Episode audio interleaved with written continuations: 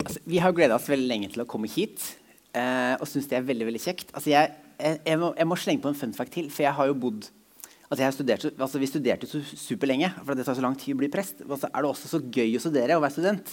Det er derfor jeg nå er studentprest. da. Så da bodde jeg med folk fra Nærbø. Så jeg kan jo ikke snakke dialekta deres, men jeg kommer til å prøve. Så beklager det med en gang. Men eh, BK Taule, Bjarne Kjartan Taule ingen, Dere ringer noen bjeller? Nei, han er, det er så lenge siden han bodde her. vet du. Ja. Geir Livar Haaland. Har vi noen som kjenner Geir Livar? Ja da! Vi bodde sammen, da. Viktig. Yes. Da har vi plassert deg, Petter. Takk. Ja. Veldig kjekt å få lov å være her. Eh, vi skal da snakke om eh, parforholdet. Um, og litt sånn kort om hvorfor vi starter Foreldre sammen. Eh, fordi det er sånn som Petter sier, hadde, hadde vi vært gift i fem år, så hadde ikke vi vært her. Og med det så mener vi at når vi har vært gift i fem år, da starter vi på nytt igjen. Og så når vi kom til tiårsmarkeringen, så var det sånn Nei, nå starter vi på nytt igjen. Og nå, nå, seiler vi litt på den siste, da. ja, vi, vi, gjorde det ikke på nytt igjen nummer 15. Da var vi mer sånn, nå begynner vi å få det til. på en måte. ja, Eller så må vi gi opp eller gønne på. Og vi gønner på. Ja. Eh, og det er litt bare med det at dette vi skal snakke om i dag, det er jo hardt arbeid å ha et ekteskap som funker godt. Eh, og vi har jo kjent sjøl på at det å være liksom utadvendte kristne ektepar eh, og så slite på hjemmebane, det er, litt sånn, det er en sånn slitsom greie å stå i. Eh, og der har vi stått i mange år. Og det som ble sånn utrolig befriende for oss, var når jeg begynte å studere familieterapi. Og du plutselig begynte å lese fagstoff som satte ord på de tingene du trodde du sleit med alene hjemme. Fordi du hørte det ikke med andre. Du kan høre selvfølgelig at folk krangler om økonomi, eller eh, den ene skriker, og den andre trekker seg unna, og du skjønner at det er dynamikker som går igjen. Men det der å virkelig forstå og skjønne at liksom, denne skamfølelsen en får når en Ja, men ingen gjør det sånn som oss. Du skulle bare visst hva som skjer når vi Eller på den måten vi gjør det, er det jo ikke håp.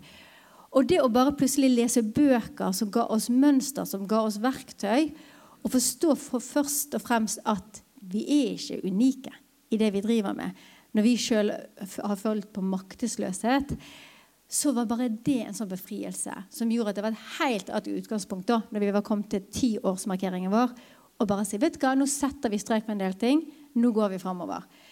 Um, altså, vi hadde jo også såpass mye bagasje av dårlige greier. Mm. Vi, hadde, altså, vi, har hatt så mange dårlige kranglinger hvor hun har krangla, og jeg har lagt vær. på en måte. Altså Ikke møtt opp i krangelen i det hele tatt. og bare liksom Forsvunnet sånn mentalt bort i en tull eh, og sett på min egen navle. Det fins det jo fagstoff på. Ja, altså, sånn det, det, var så deilig liksom, å bli beskrivet som en normal person, og ikke bare føles som sånn utskudd av en mann som ikke står opp. på en måte.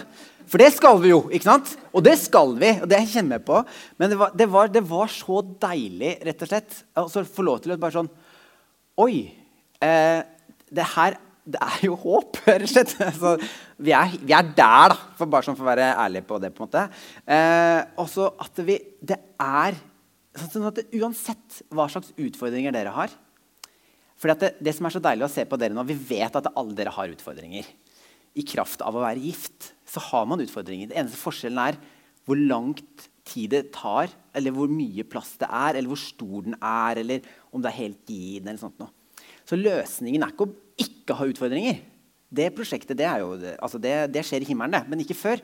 Eh, det, ja, vi skal ikke gå der da, det er så slitsomt at vi ikke skal ha gift i himmelen. Altså det er en av de, de få tingene jeg ja, syns er vanskelig med Bibelen. Jeg kjenner litt utfordrende at du har den mikken der. Ja, for Du kan ikke bare ta den fra meg. Jeg du, nå kan vi holde oss til manus? Skal du begynne å snakke om det? Ja. ja, jeg er tilbake igjen. Nei, Sorry, jeg beklager. Men du får bare ta over ordet, du. Du får bare ta ordet. Men i hvert fall, her, det, det, med å bli den friheten av å ikke være alene med utfordringer Vær så god, kjenn på den. Mm. Og da, Foreldre sammen det starta når pandemien kom. For da satt vi liksom mars når alle bare plutselig, alle ungene kom hjem. Vi skulle ha barnehage hjemme, vi skulle ha skole hjemme, vi skulle ha jobb hjemme. Vi skulle fremdeles være en familie oppi der, og ektepar oppi der. Og ingen pauser. Og ingen pauser. sant? Vi kjente jo alle det på kroppen. Og da kjente vi ok, vet du hva, vi slenger ut en sånn Instagram-konto om litt sånn life hacks. Hvordan kan vi overleve denne fasen her? Det er sikkert flere som syns dette er krevende. Men bak den spontane ideen så lå jo dette hjertet vårt om at vi vil bruke både vårt eget liv og egen kompetanse og det å snakke høyt om ekteskapet. Eh, så det ut ifra det det starta, eh, og nå liksom, kjenner vi da på at de siste, spesielt det siste året kalt til at liksom, vi må bringe inn det bibelske verdiene og perspektiven inn i ekteskapet. Vi kan ikke bare snakke om disse verktøyene. Vi må også snakke om at det er liksom en helt egen greie, dette ekteskapet. Det er ikke den romantiske eh, bindingen som er der så lenge følelsene føles riktig. Og vi lever jo i en tid der det er jo følelsene våre som skal styre oss. ikke sant? Vi skal liksom føle. Vi kan ikke engang ha en ordentlig debatt noen ganger, for du kan jo ikke diskutere med noen hva de føler. Vi kanskje mener noe, vi skal føle noe, og så går det inn i ekteskapet, og så er det hva jeg føler som gjør om jeg og deg henger sammen og matcher. Men det er jo ikke der vi skal bygge det. Sånn at nå høres det ut som vi snakker liksom ned ekteskapet. Det, er det her hardtarbeidende greiene vi driver med. Men det er jo ikke det. I dag skal vi jo først og fremst booste det og kjenne at vi har tro på det. Men vi må jo anerkjenne at det er jo i gode, onde dager og en jobb å få det til å funke. Ja. Så vi skal virkelig booste dere. Vi skal ikke snakke mer ned ekteskapet.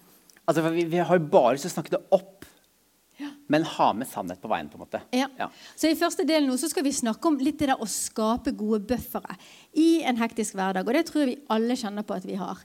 Eh, og Vi kommer til å sitere og ta utgangspunkt litt i en som heter John Gottmann. Han er en familieterapeut. Eh, han er jøde i utgangspunktet, men eh, det er sekulær undervisning han driver med. Men det er veldig spennende at når han har forska på par i 40 år, og han har virkelig hatt i sånn der eh, omtrent laboratorium. Han har hatt i sånne hus med vinduer og speil og kamera og liksom sjekker hvordan folk lever sammen. Jeg tenker sånn, er det mulig? Altså, jeg hadde jo oppført meg skikkelig bra. Men jeg tror ikke det er sånn. For jeg tror faktisk Det tar ikke så lang tid før du plutselig ikke oppfører deg der etter eh, at kameraene er der, og heller etter hvem du deler livet ditt med innenfor de fire veggene. Du blir på en måte trigga likevel? på en måte. Ja, jeg tror ja. du blir det. liksom. Og, så han har da fått virkelig utforska parforhold og kommunikasjon og, og, hva som funker og ikke funker. Og han løfter fram dette her. En sånn skikkelig god buffer i et parforhold. Det å bevare hengivenhet og beundring. Og det, er, det kan høres ut som litt sånn svevende, romantiske ord, men det handler jo om bevisste fokusvalg. Det handler om en sånn mentalitet en har inn i ekteskapet. Fordi at det å bevare hengivenhet og beundring er bygd på vaner etter hvert. Fordi når en har bodd sammen, så skapes det jo noen filter vi ser hverandre med, en forståelse vi har den andre. Sånn at det er noen ting vi liker, og etter hvert kanskje flere ting vi bare syns er litt utfordrende. Og der har vi et mønster på å være uenig. Men hvis vi klarer å skape en vane som at vi hele tiden har et bevisst fokus på, og på en måte se det beste i den andre Og et sånn utgangspunkt å tenke det å bevare hengivenhet og beundring er jo dette med å ha et nådeperspektiv inn i ekteskapet. Fordi Jesus kaller jo oss, den enkelte av oss, til å bli mer lik han. Sant? I livet vårt. Vi skal bli mer lik han, vi skal få mer av hans sinnelag. Og så har vi òg denne institusjonen av ekteskap. Der to mennesker skal dele liv, skal være forplikta livet ut skal være sammen i onde og gode dager, skal bygge familie, tror dere da at, det er, at, der skal det alltid være godt å være? At der skal du alltid være den beste versjonen av deg sjøl, når du samtidig skal slipes til å bli mer lik Jesus? Det er selvfølgelig, tenker jeg, i denne relasjonen at liksom sidene våre vil komme opp. Det er de sidene som er krevende, de sidene som er drevet av synd, de tingene, du må ta et oppgjør med, de kommer jo opp i denne relasjonen. Og hvordan bærer vi det for hverandre? Hvordan bærer det når ting fra oppveksten til Petter og hans, hans eh, svakheter kommer fram i ekteskapet, og kanskje spesielt fram i mine svakheter? Sant? Spesielt når vi skal komme inn på kranglemønster, hvordan det kan forsterke de negative tingene. Når vi liksom kjenner noen ganger på at det er du som får fram det verste i meg, så vil kanskje verden si ja, er dere en god match? Er dette noe for deg? Er dette et godt sted for deg å være? Eller kan vi snu på det og si ja, nå kommer det opp noe grums. Har jeg nåde til å bære det i denne relasjonen? Jeg tror ekteskapet er det perfekte stedet for helliggjørelse. Eh, at vi vokser med nærmere Jesus, så er det ingen relasjon som kan bære mine svakheter bedre enn i denne relasjonen her. sånn. Eh, og også komme med veldig ærlig tilbakemelding. Det er Kristina kjempegod på. da. Veldig gode, ærlige tilbakemeldinger. Jeg er litt dårlig på det, men jobber med saken. Liksom Jeg jobber med filter. Ja. Ja, du, ja, du jobber i sånn Eller sånn, eller sånn, et sånn, sånn kjærlighetsfilter, på en måte. Litt sånn nådefilter. Ja, ja, ja for, og det her nåde kommer inn her. da. Så det, det, det var en sånn nådehandling for oss disse fem og ti år. Ok, Nå er det så mange ting som vi kan holde mot hverandre eller mot oss selv. Så vi trenger en ny start. Vi trenger nåde inn i ekteskapet vårt. Og det har vært veldig effektivt. Men også Gud ønsker jo å slipe oss. Ønsker at vi skal få vokse, og at vi skal ta tak i de utfordringene. Altså at vi skal bli et bedre, mer lik Jesus. Og vi tror da dette er det stedet hvor vi best kan vokse. Og det tror jeg kan ufarliggjøre da når ting kommer opp. Og vi, vi på en måte, for hvis dette er bare et sånt prosjekt mellom meg og Petter, at det skal være dette romantiske stedet der han skal føle seg elsket som han alltid lengtet etter, der han skal ha en hverdag som han alltid så for seg, så blir jo alle disse tingene som kommer opp, blir jo det som skaper uro og tvil. sant? Men hvis vi klarer å i større grad se ok, hva er det som kommer inn opp nå, og hvis det kommer opp imellom oss, sant? ha det der for øyet. Det er en som har lyst til å ødelegge for oss, og se på det. ok, Hva er det som skjer nå? Og det å da liksom ta det litt lenger enn bare å bevare hengivenhet og beundring, men knytte det til nåde. Men ta det bevisste valget. At når det er bra, når det er gode hverdager Ikke nødvendigvis når du er liksom helt oppe på toppen, men når det er liksom, hvis du stopper opp og kjenner dette her er godt, dette er bra. Bli bevisst hva er det du liker med den andre. Bli bevisst de egenskapene som får deg til å kjenne at her er jeg trygg. Her kjenner jeg meg hjemme. Her har jeg noe eget som er bare mitt. Det er vårt. Vi er unike. Fordi at den bufferen vi da bygger opp, den blir etter hvert det filteret som gjør mye mer rom for nåde.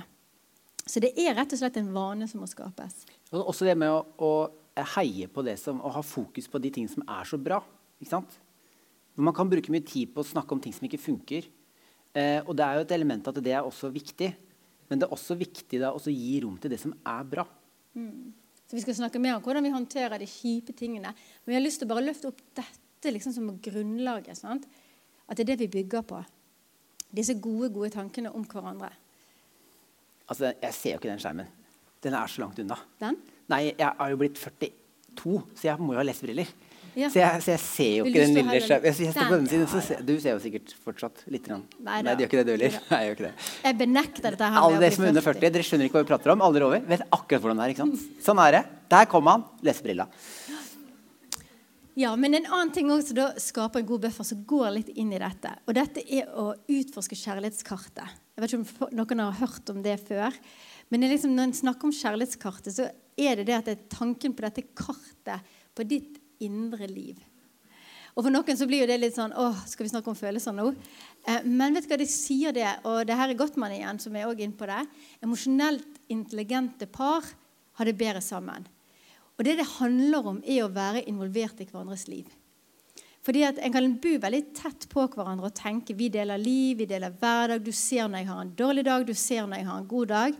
Men det å faktisk være bevisst på å sette ord på hva er det, hva er det som rører seg, det er en mer krevende øvelse for andre. Noen går det veldig naturlig for. Men det å allikevel tenke at det her handler ikke bare om preferanser på samtaletemaer, men at det egentlig handler om hvordan kan du få en del av det som rører seg hos meg. Fordi at hvis vi kjenner til mer enn bare OK, jeg ser du er sint, eller jeg ser du har det bra. Jeg vet at du liker torsk, og du hater eh, spagetti til middag. Altså, Disse tingene som vi kan lære oss å kjenne. Hvis vi vet enda mer hva som faktisk rører seg, så er det òg en sånn enormt god buffer. Og det vil òg være med å bevare når vi da skal snakke senere om sånn konfliktmønster og krangling, og faktisk se hverandre ut ifra at vi har et sterkt vi. Og det er også liksom at man, man gifter seg jo med én person, men den andre er også i endring gjennom hele livet. Så det å få lov til å være med på den reisen, sånn at man ikke blir gift, og så bare boom, forsvinner man i hver sin retning, ikke sant? men at man rett og slett er bevisst på å koble hverandre på, involvere i hverdagen, ta med drømmer, lengsler og så greier. da. Så det, det, er, det er mange ting vi kan gjøre fordi at det er lurt å gjøre. Dette her er en ting som det er lurt å gjøre. Det trenger ikke være masse følelser for å starte på det. Nei, og vi, vi har et eksempel. En, eh, en, eh, en, pastor som delte med oss når vi hadde snakket om dette. Eh, jeg tror det var på poden vi fikk tilbakemelding. Eh, og liksom sa det, sant? En mann som bruker jo hverdagen sin til å formidle, er opptatt av de eksistensielle spørsmålene, har kontakt med følelsene sine, er verbal. Men kommer hjem til kona, og hun spør hvordan var dagen, og sier sånn Det er bra. Hva har vi til middag? Og ikke skjønte før et stykke inn i ekteskapet at det faktisk går an å sette ord på mer, og at kona trenger det. Ikke fordi kona har lyst til å gjøre, men hva følte dere sa de? Og har du noe juicy stoff fra, fra, jobben? liksom? Men at det handler om det. Kan jeg få en bit av hva er det som opptar deg? Sånn at det slo han at ja, jeg kunne jo ha sagt og fortalt litt mer om denne eh, spennende prosjekt, dette spennende prosjektet vi har på gang. Eller den litt krevende samtalen, eller hvordan jeg faktisk gruer meg til, eh, til den, eh, det oppdraget jeg har neste uke. Og det å begynne å sette ord på de tingene, det var sånn styrkende for deres parforhold. Eh, og det handler om da, å involvere hverandre. Så etterpå så skal dere få litt sånn tid til å sitte sammen og prate. Og da har vi en sånn lite sånn eh, noen eh, spørsmål så dere kan utforske. Velge sjøl hva dere vil snakke om. Men det er ulike spørsmål som er med på å, så dere kan stille hverandre, som er med på å utforske dette kjærlighetskartet. For det er jo ikke hver dag du spør partneren din når grein du sist? Hva gruer du deg til? Hvor ser du oss om fem år? Hva var favorittlæreren din? Men de spørsmålene der er ikke helt ubetydelige. Fordi det er én ting at når jeg vet sånne ting om Petter, så får, jeg, får, det mitt hjerte til å koble meg litt mer på Petter. Sånn at de gangene da han har, eh, oppfører seg litt urimelig, så er hjertet mitt allerede kobla på Petter.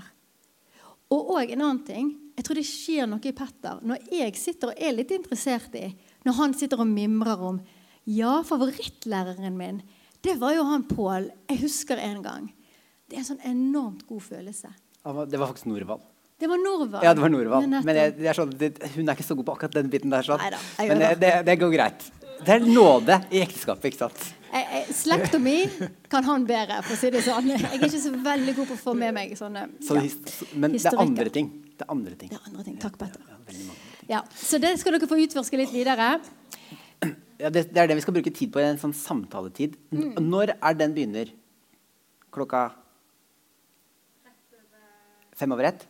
Ja. ja. Og har du en klokke? Ja. En halvtime til. Supert. Konfliktmønster å unngå. Det er mange måter å krangle på. Eh, og krangling det er ganske bra, det. Vi vil liksom snakke litt opp en god krangel. Og ned en ræva en, på en måte. Eh, for det er så mange måter å eh, møte opp i en krangel, og at det, at det, faktisk kan være fruktbart. Fordi vi har jo meninger. ikke sant?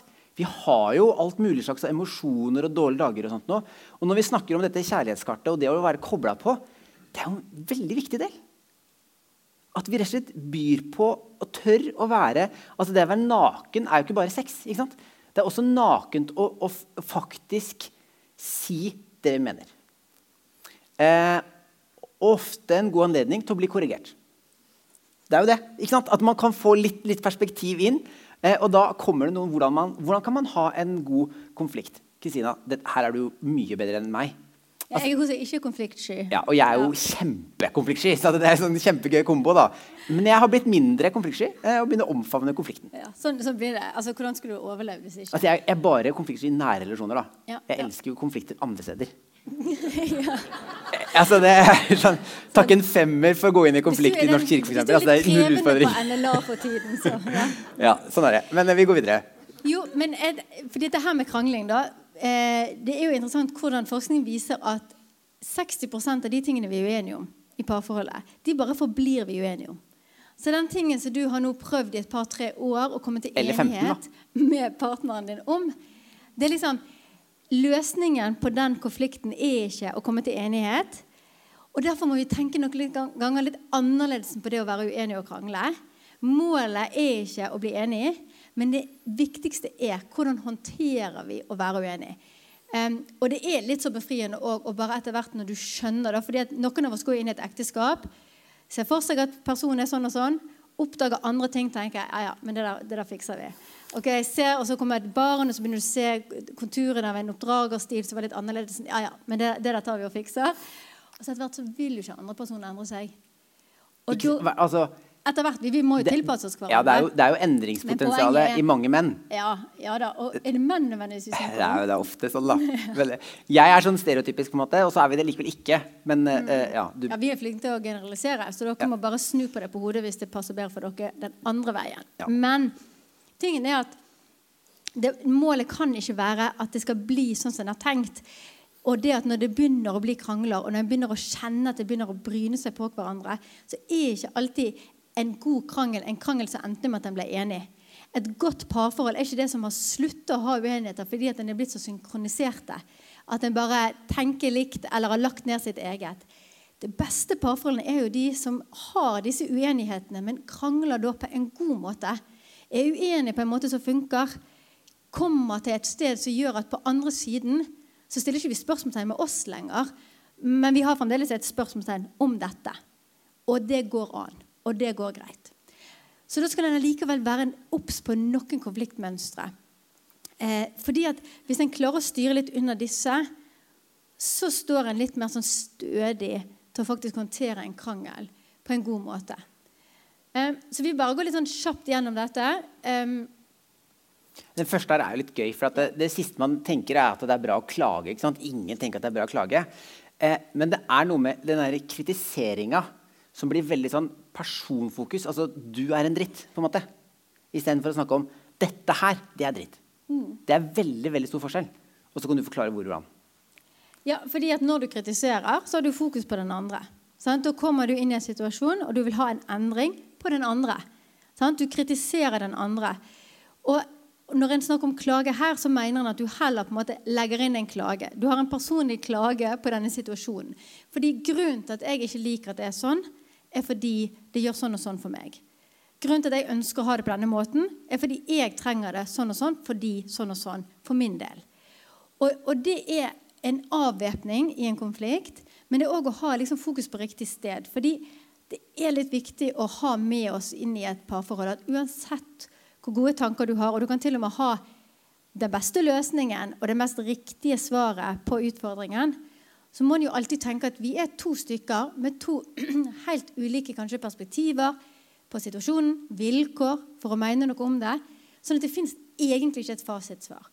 Det er veldig lett å gå inn og tenke ja, men hvis du bare endrer, hvis det bare blir sånn, og hvis du kunne bare For det er så typisk deg.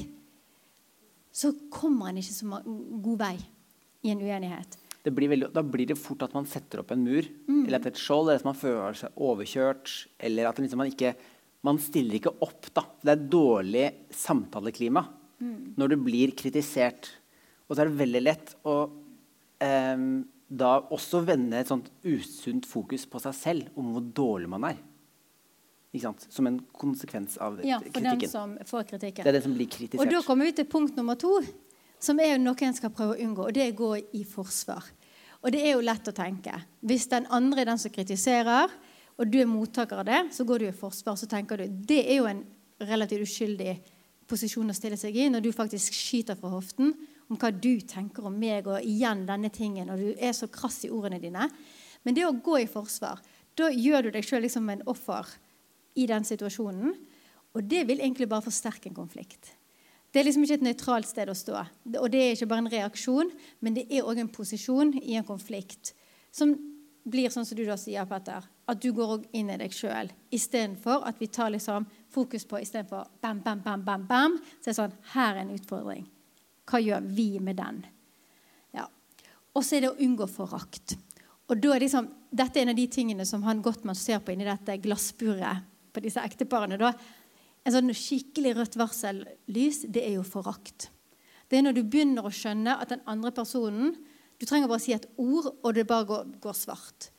Eller du kjenner sjøl at når han begynner å snakke og gjøre den tingen, så det å i det hele tatt skulle prøve å formulere en klage er liksom nesten ikke mulig hvis du skal være tro til deg sjøl. Fordi det eneste du kjenner, er ah, Kan du bare skjerpe deg? Liksom, at du bare kjenner at du har ikke lenger respekten, forståelsen for valget.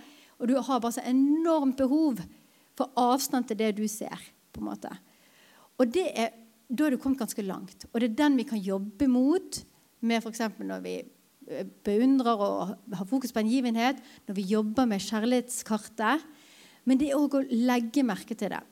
Og jeg tror at hvis en er kommet dit at i situasjoner så begynner en å kjenne på forakt En har rett og slett ikke respekt for partneren på området. En tenker at her er mine synspunkter. Det er de som står fast. Du kommer jo tross alt fra den og den oppveksten. Eller du har jo den og den måten å håndtere Og du, du er jo svak på dette området. Jeg kan ikke stole på deg i det hele tatt. Så selvfølgelig har jeg lov å innta posisjonen av å være den som overstyrer. Så, så er det en sjøl en, en, må gå i seg sjøl og si hva er det som skjer her. Hvordan kan jeg bevare respekten? Fordi her tror jeg, Hvis du har kommet hit, så er det gode verktøy noen ganger som forteller oss når du skal kommunisere. Ikke si 'du', si 'jeg'. Eh, eksempel, den som holder blyanten, er den som prater. Men jeg tror hvis det har begynt å komme forakt inn i et parforhold, så hjelper det ikke så veldig om du sitter med blyanten og sier 'jeg føler meg eh, oversett her'. Da tror jeg at vi må først og fremst jobbe med den derre opplevelsen av å ha mista respekten for hverandre. Så opplever han å komme dit, så trykk litt på stopp-knappen. Ta en liten sånn der eh, ransaking og, og, kjenn etter ok, hva er det som egentlig foregår. Når en ikke klarer å legge fra seg kritiseringen eller å gå i forsvar eller dytte den andre inn i forsvar.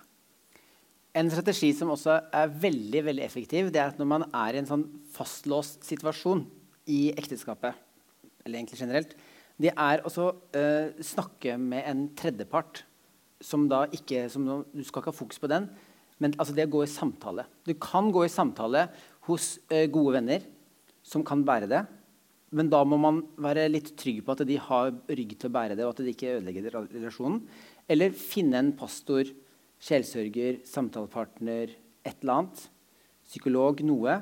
For når man har den tredjeparten inn, da er det mye, altså det er mye lettere på ett plan å snakke om ekteskapet vårt til alle dere enn, enn å dra en sånne lange samtaler her. sånn. Så det er, noe, det er, en sånn frihet i å ha den der tredjepersonen til å, å, ta opp disse vanskelige tingene.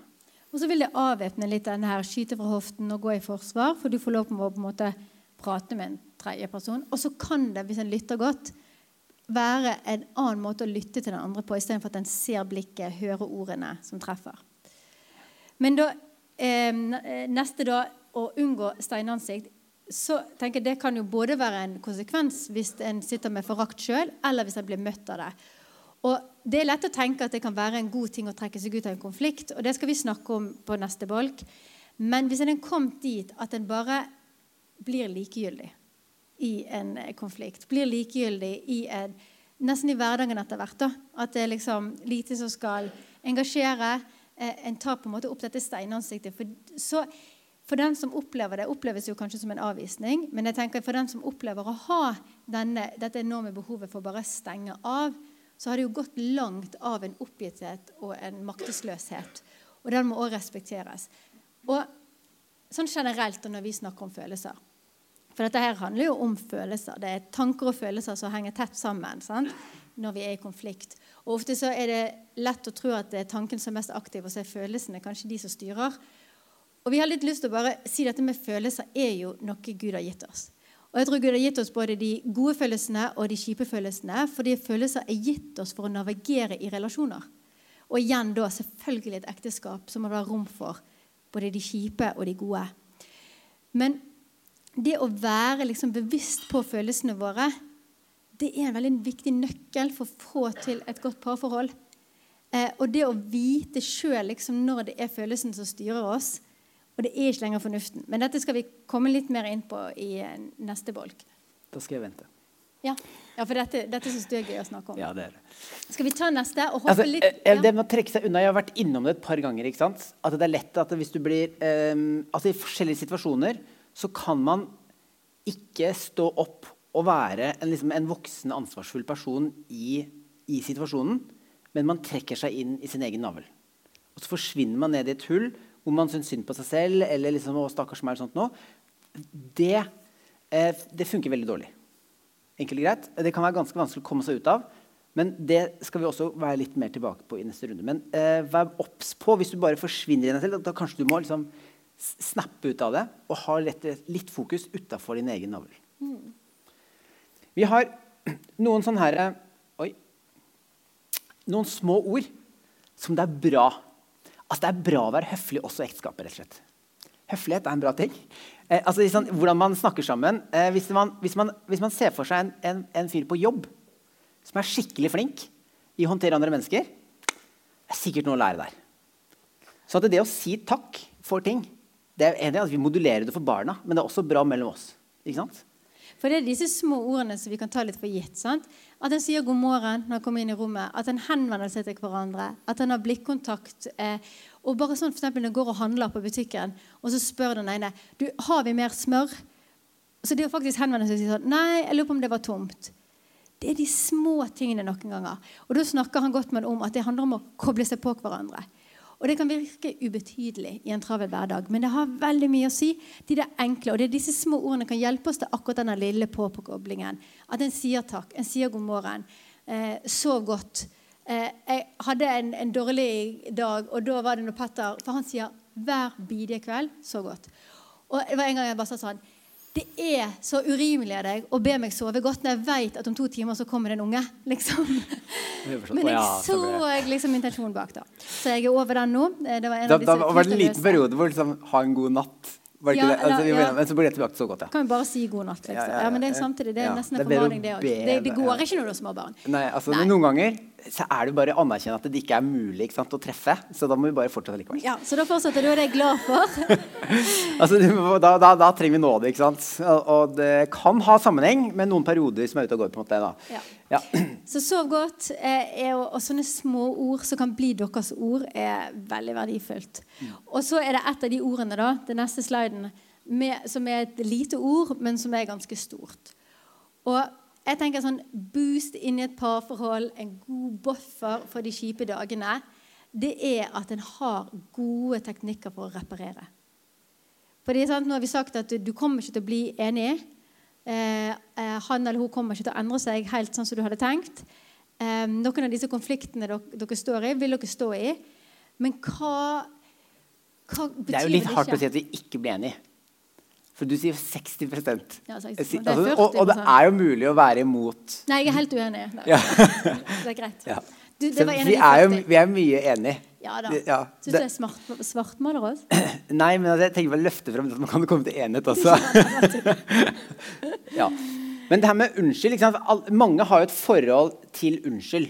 Eh, og noen eh, Det er sånn at man kan si unnskyld, og så treffer det slett ingen steder i tilgivelse i hjertet til den du sier unnskyld til. Det har liksom ingen effekt. Det, liksom sånn, det blir sånn som ungene som bare sier unnskyld, og så sier de bare sånn unnskyld. Som om det er et magisk ord. ikke sant? Som har absolutt ingen effekt. Ja, altså Jeg tok meg sjøl i å si når lillesøster hadde trøkka over storesøster inn i bilen, nei, storebror, satt seg ned, og så er jeg bare sånn åh, det her blir jo bare kaos. Så, så sa jeg bare Si unnskyld, så vi kan bli ferdig med det.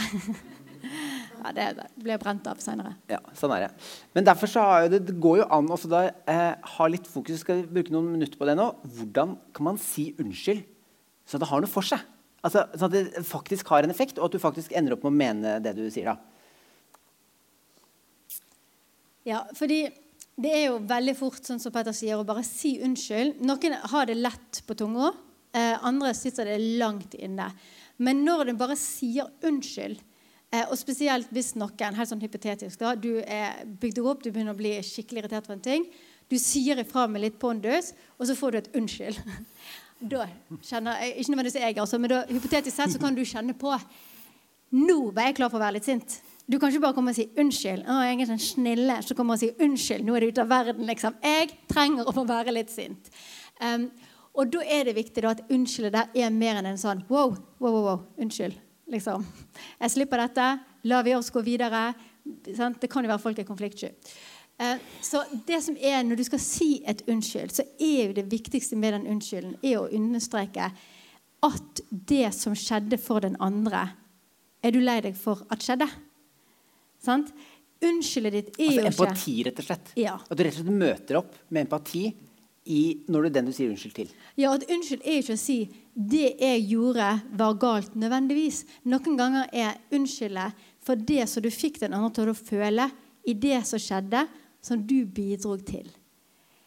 Altså når Vi snakker med, vi har liksom foreldrekurs, og da prøver vi å snakke om dette og reparere til barna. Sant? Når vi har hatt en situasjon med barna som er helt berettiget. Vi måtte sette foten ned. Altså, han kan ikke stå der med en stein og kaste det mot bilen. Og du har sagt ifra fire ganger allerede. Du ser i det du går rundt hjørnet at han tar opp en ny hånd med stein og kaster, og det treffer. Altså, Da blir pappa sint. Sant? Og det barnet må jo tåle at pappa blir sint.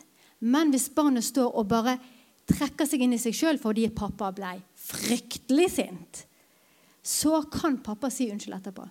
Og steinen var bare på vei mot bilen. Det var ikke helt borte bilen. på en måte. Ja, men til og med man traff, Petter. Ja, bare til og med traff. Til og med traff. Til og med traff. Så går det an å si unnskyld til barnet. For det skulle ikke ha skjedd. Men jeg så at når jeg hever stemmen sånn, og jeg sto med hånden sånn og peker på deg, så ble du redd. Det kan jeg si unnskyld for. Sant? Vi kan si unnskyld for at Og så kommer det. Hva var det jeg gjorde? Og et unnskyld er jo sant, det her, En må være tydelig og oppriktig. Eh, sånn at Det er jo ikke sikkert at en mente å gjøre noe dumt. Og kanskje en til og med hadde grunn til å gjøre det en gjorde. Sant? Så vi var inne på med steinkastingen. Men òg det at du kanskje du kom fem minutter for seint til ei mor som står hjemme, eh, hjemme med barnehagebarn eller barnet som ikke begynte i barnehage, barnehagebarnet som er syk, og skolegutten som skal ha hjelp til lekser. Og så har pappa ikke sagt ifra at han kommer fem minutter for seint inn døren. Og du har stått i fem minutter og bare overlevd, og så går han rett inn på do. Det er liksom noe Du har kanskje ikke gjort noe veldig, veldig galt, men det går Men det treffer ganske enormt. treffer på en måte. Det er som å komme med en atombombe. For det, det er jo noen sånn å anerkjenne at det er eh, mange altså Når du er der hjemme, og du har liksom For en ting Vi, vi opplevde noe greier nå. Vi har kjørt denne strekket her ganske masse, for vi kjørte Kristiansand ganske ofte. Sånn et par ganger i året. Fulle av unger ikke sant, i den bilen, for jeg jo fire unger da. Så denne turen gikk utrolig smooth. Altså, det, var så, det gikk så fort. Det var så lett. Det var liksom veldig få eh, altså, bolker. Men med unger så er det jo helt sånn million bolker. Altså, det skjer noe absolutt hele tiden. Og de mener jo noe. Du kan jo aldri vite hvor sure eller glad de er om ti minutter. For det er jo helt opp til Gud, tydeligvis. Og, og det, det, ikke han har kontroll engang der. jo, jo, det har han jo, men det er mer sånn, han vet jo i kraft av å være utafor tid. Men eh, eh, sånn at det, det der å anerkjenne at det, når det, du har en forventning om at det skal komme, og så skal det være to, og så skjer ikke det, og så dukker ikke jeg opp, og når jeg da kommer hjem, så dukker jeg heller ikke opp. Altså, jeg bare er der. Det skjønner jeg. Og hvis jeg, når man skjønner det, da kan man ta, gjøre noe med det. Du, du, jeg tror du forst, altså, Vi har noe sånn det er nydelig. Da. Det er veldig bra å by på seg selv. ikke sant? Det er viktig, Og det er veldig deilig med litt sånn respons. Så det her er veldig bra. For jeg har jo da bare sa- jeg har, jo da mange år bare sånn unnskyld. liksom bare, ikke sant, vært Tatt det der 'jeg er snill'-kortet. ikke sant? Tror jeg er veldig snill. Så jeg er ikke så snill, egentlig. da. Har også sånn irriterende, veldig effektiv rydding rundt meg Ja, sånn sant? febrilsk sånn der, prøver å liksom gjøre noe for å få det her til å bli bra. Kan du bli glad i å være så snill?! Altså, sånn der, det funker jo ikke, det heller. Ikke sant? Det har jo ingen effekt. Men hvis jeg forstår hva som er greia med Kristina altså Det var jo det vi om da. Eh, og så sier jeg at du unnskyld at jeg kommer for seint, ikke sa fra. Og at jeg liksom bare ikke møtte opp.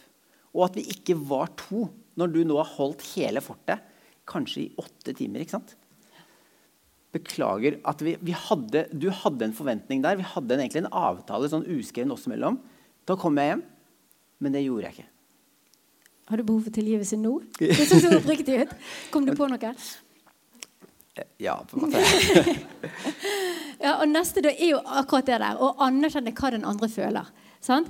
At du setter ord på det du tror det gjorde med den andre, den handlingen du gjorde, som kanskje du ikke hadde en intensjon om å være eh, slem eller negativ. Sant? Så nøkkelen er å vise at du forstår.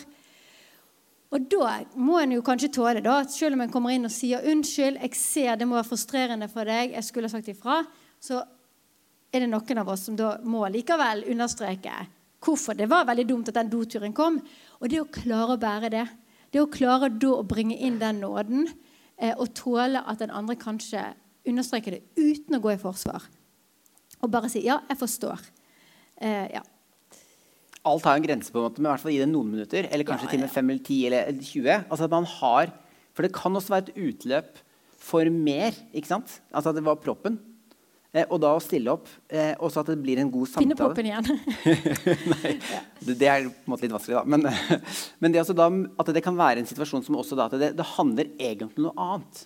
For en sånn situasjon i seg selv betyr jo egentlig ingenting. Ikke sant? Det går jo kjempefint. Og på alle andre vanlige dager så er det ingen utfordring. Det er dumt å komme for seint, selvfølgelig, men det går jo helt fint. Altså sånn, du blir ikke emosjonelt i, i krise. Men andre ganger så er det sånn at det er det som var den lille greia som utløste liksom et stort emosjonelt behov. Og det å bli møtt og sett. Ja, og Det er en sånn viktig perspektiv å ta med inn når vi snakker om dette. og hvordan vi ser på hverandre, Det å ha en nådefull eh, tilnærming til parforholdet vårt. Det er jo det å forstå at all atferd er jo kommunikasjon. Sant? Altså, det ligger veldig ofte andre ting bak, og vi får våre vaner rundt hvordan vi forstår en situasjon. Vi sier kanskje 'ja, det er greit', og så etterpå er det utrolig aggressiv vasking på kjøkkenbenken. Sant? 'Å ja, så du skal på trening allikevel, ja?' Sant? Og så bare skjønner du at okay, det er noe som egentlig foregår. Og det å være litt nysgjerrig på det Hvis en klarer å få et språk på det, og liksom når det roer seg litt, da, det skal vi snakke om senere, og komme inn i toleransevinduet igjen, og faktisk adressere du, 'Hvordan var dagen i dag?' Eh, det er å fange opp det der. Det der å være litt sånn, gi rom for det indre livet. Så ja, når vi da har sagt unnskyld eh, og vist anger og forståelse, så er det det å bare kunne si den lille setningen om hva kan være annerledes. Sant? Det der, ok, Neste gang skal jeg sende en melding um, på akkurat denne situasjonen her.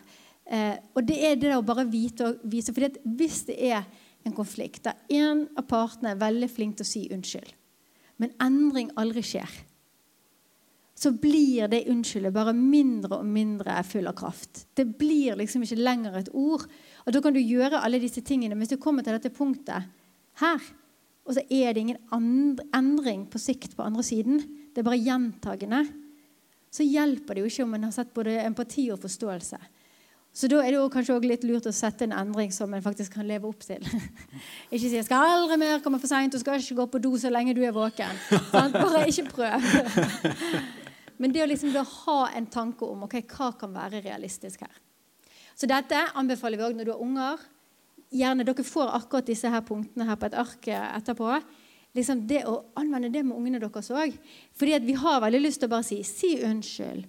For du angrer. sant? Du kjenner inni deg nå at det du gjorde Si unnskyld, så ikke han kan være så lei seg. Ungen skjønner ikke. Men hvis de ser oss gjøre det, og hvis de opplever at vi kommer og sier du, 'Unnskyld for i stad. Jeg kunne ha sagt det med mye roligere stemme.' 'Jeg ser du prøvde.' Så begynner de å skjønne at det går faktisk an å si unnskyld. Unnskyld er ikke et magisk 'jeg er ferdig med det' ord. Unnskyld er 'kan vi connecte igjen'? Og det er det vi prøver på, sant? både i parforholdet og foreldrerollen. Du får meg til å tenke, altså En av de grunnene til at vi ønsker å jobbe med ekteskap, det er også det at det, sunne og gode ekteskap er også det, det, det er liksom grunnsteinen eh, for eh, gode familier. En god familie, der må det være gode ekteskap. Eh, og det er også den, den, kjærligheten for barn. Det er det å legge til rette for at det flest mulig barn har solide foreldre som er i gode ekteskap. Det, det gir så mye til barna. det. Så det der å investere i oss, det er en varig gave til barna våre. Så det at det, Nå må de liksom holde ut at ikke dere er sammen med dem. Men dere, forhåpentligvis så er det litt sterkere, kan bygge ekteskapet deres videre. Og da vil det også være bedre rom for å være foreldre. for dere som er det. Og det er også sånn at det, det å være, vi, vi, altså vi, Jeg kan jo prate som jeg vil, men det er jo hva jeg modulerer, som virkelig teller. ikke sant? Vi har jo vi, noen uh, oppgaver Mm. eh, på eh, så vi, vi, har ikke ark, men eh, dere har jo mobiltelefoner. Eh, sånn at dere kan gå inn på mammasammen.no. Og så i bånn på forsida der, sånn, Ja, helt i bånn. helt i bånn der, på Mamma sammen, så er det, er det, ikke, er det to eller er det én? Nei, da ligger det samla for denne bolken. Ja. Da er det en, er det en PDF eh, som dere laster ned. Og der er det utgangspunkt for noen spørsmål i en sånn spørsmålsrunde som, eh, skal, som dere skal ha noe med hverandre. Ikke med andre, men med dere, mellom dere to. Sånn at der, eh, det er, Først så har dere det er forskjellige sveis. Det kommer litt mer om grenser og sånn neste eh, bolk. så Det kommer, det ser et eget sånn temahefte om grenser. Men det er det første bolken. Først så ser dere det står disse punktene om unnskyld. Og så kommer det en del spørsmål. Og det er sånne spørsmål som er gode for en kveld dere setter av og har 20 minutter og noe godt i kroppen og drikke eller noe snacks eller hva dere liker å kose dere med på kvelden. Og bare liksom si ok, vi velger ut tre spørsmål som vi kan stille. Og når dere har bedre tid enn her, så kan du jo snu på det og så skal jeg på en måte prøve å svare på vegne av den andre. Og se liksom, hva, hva kjenner jeg til hos deg. Men jeg tenker at nå kunne dere ha valgt dere eh, tre spørsmål hver eh, fra det tre ulike temaer. Jeg tror det er eh, liksom litt mer sånn indre liv, altså personlig. Og så er det kjæresteforholdet. Og så er det litt mer intimt, tror jeg. jeg. Nå har jeg det ikke foran meg. Men dere, finner, dere velger dere tre ulike spørsmål som dere har lyst til å stille den andre. Og så Kan dere gjennom det en gang Nei. Nei. Det er på mammasammen.no. Det er nettside. Og så scroller dere helt til bunn. For det var det letteste å bare kunne lage en liten sånn knapp der nede. Hvor er den knappen, da? Mm? Jo, Ønsker du en smakebit, står det. Og så står det 'Ja takk, jeg ønsker temahefte'. Her kan du laste ned temaheftet for påfyll til parforholdet. Ja, det, var, det, kunne hatt en bedre overskrift. Det er litt sånn skjult, da. Litt sånn der kodespråk. Eh, sånn at, men der er det da For den, den, er bare tilgjengelig akkurat nå i dag, og så forsvinner den igjen. Så den er, den er bare for dere. Men dere må gjerne lagre det på telefonen deres. Ja. Mamma sammen. Helt i bånn så står det en sånn eh, jeg kan ikke gjøre det her, da? Ja.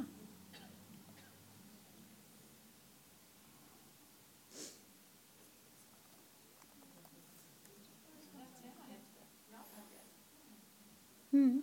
Ja, jeg er jo ikke på nett. Jeg kommer på nett snart.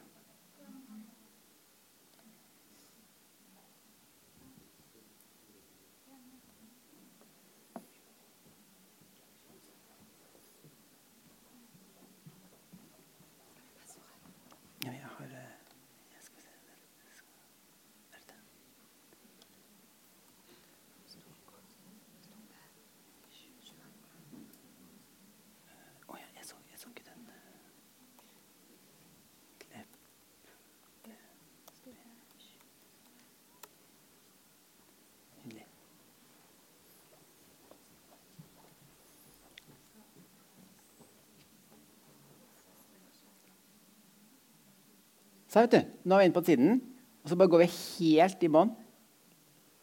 Ønsker du smakebit? Ja takk. Og da kommer de inn på denne PDF-en her.